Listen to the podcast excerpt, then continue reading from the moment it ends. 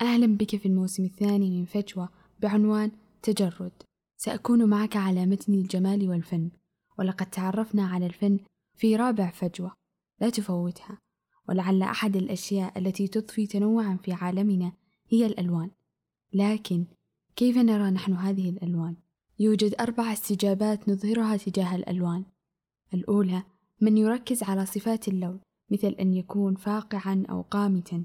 فالانتباه هنا على اللون أي أنه يحكم عقله أكثر من عاطفته ولأن هذا النوع يأخذ موقف موضوعي تجاه اللون يكون الأقل تحسسا للجمال.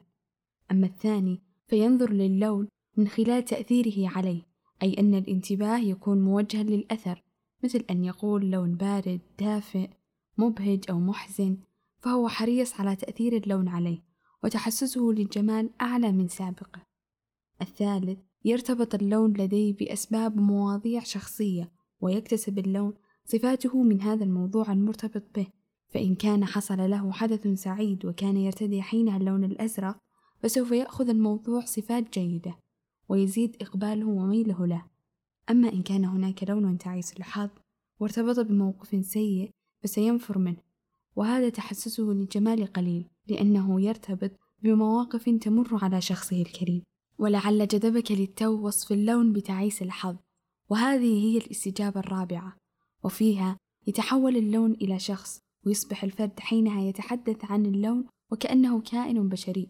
فيقول لون وحشي هادئ وتحسس هذا النوع للجمال عالي جدا ونسبة تواجدهم قليلة لأنهم يقرؤون في اللون مشاعر وأحاسيس خاصة. وعادة ما نتأثر بإستجابة واحدة من هذه الاستجابات. فإما أن نرى اللون بعقولنا أو يكون كالمرآة فنهتم لانعكاسه. أو نراه كغريب لا يدخل لحياتنا إلا إن كان له علاقة بها. أو يكون كرفيق نختاره لأن شخصيته تتناسب معنا أو تثير إعجابنا. وأخيرا ما هو لونك المفضل؟ أو أين أنت من هذه الاستجابات الأربعة؟ شكرا لوقتك. شارك الحلقة مع من تحب وشاركني تقييمك وتعليقك. أراك لاحقا.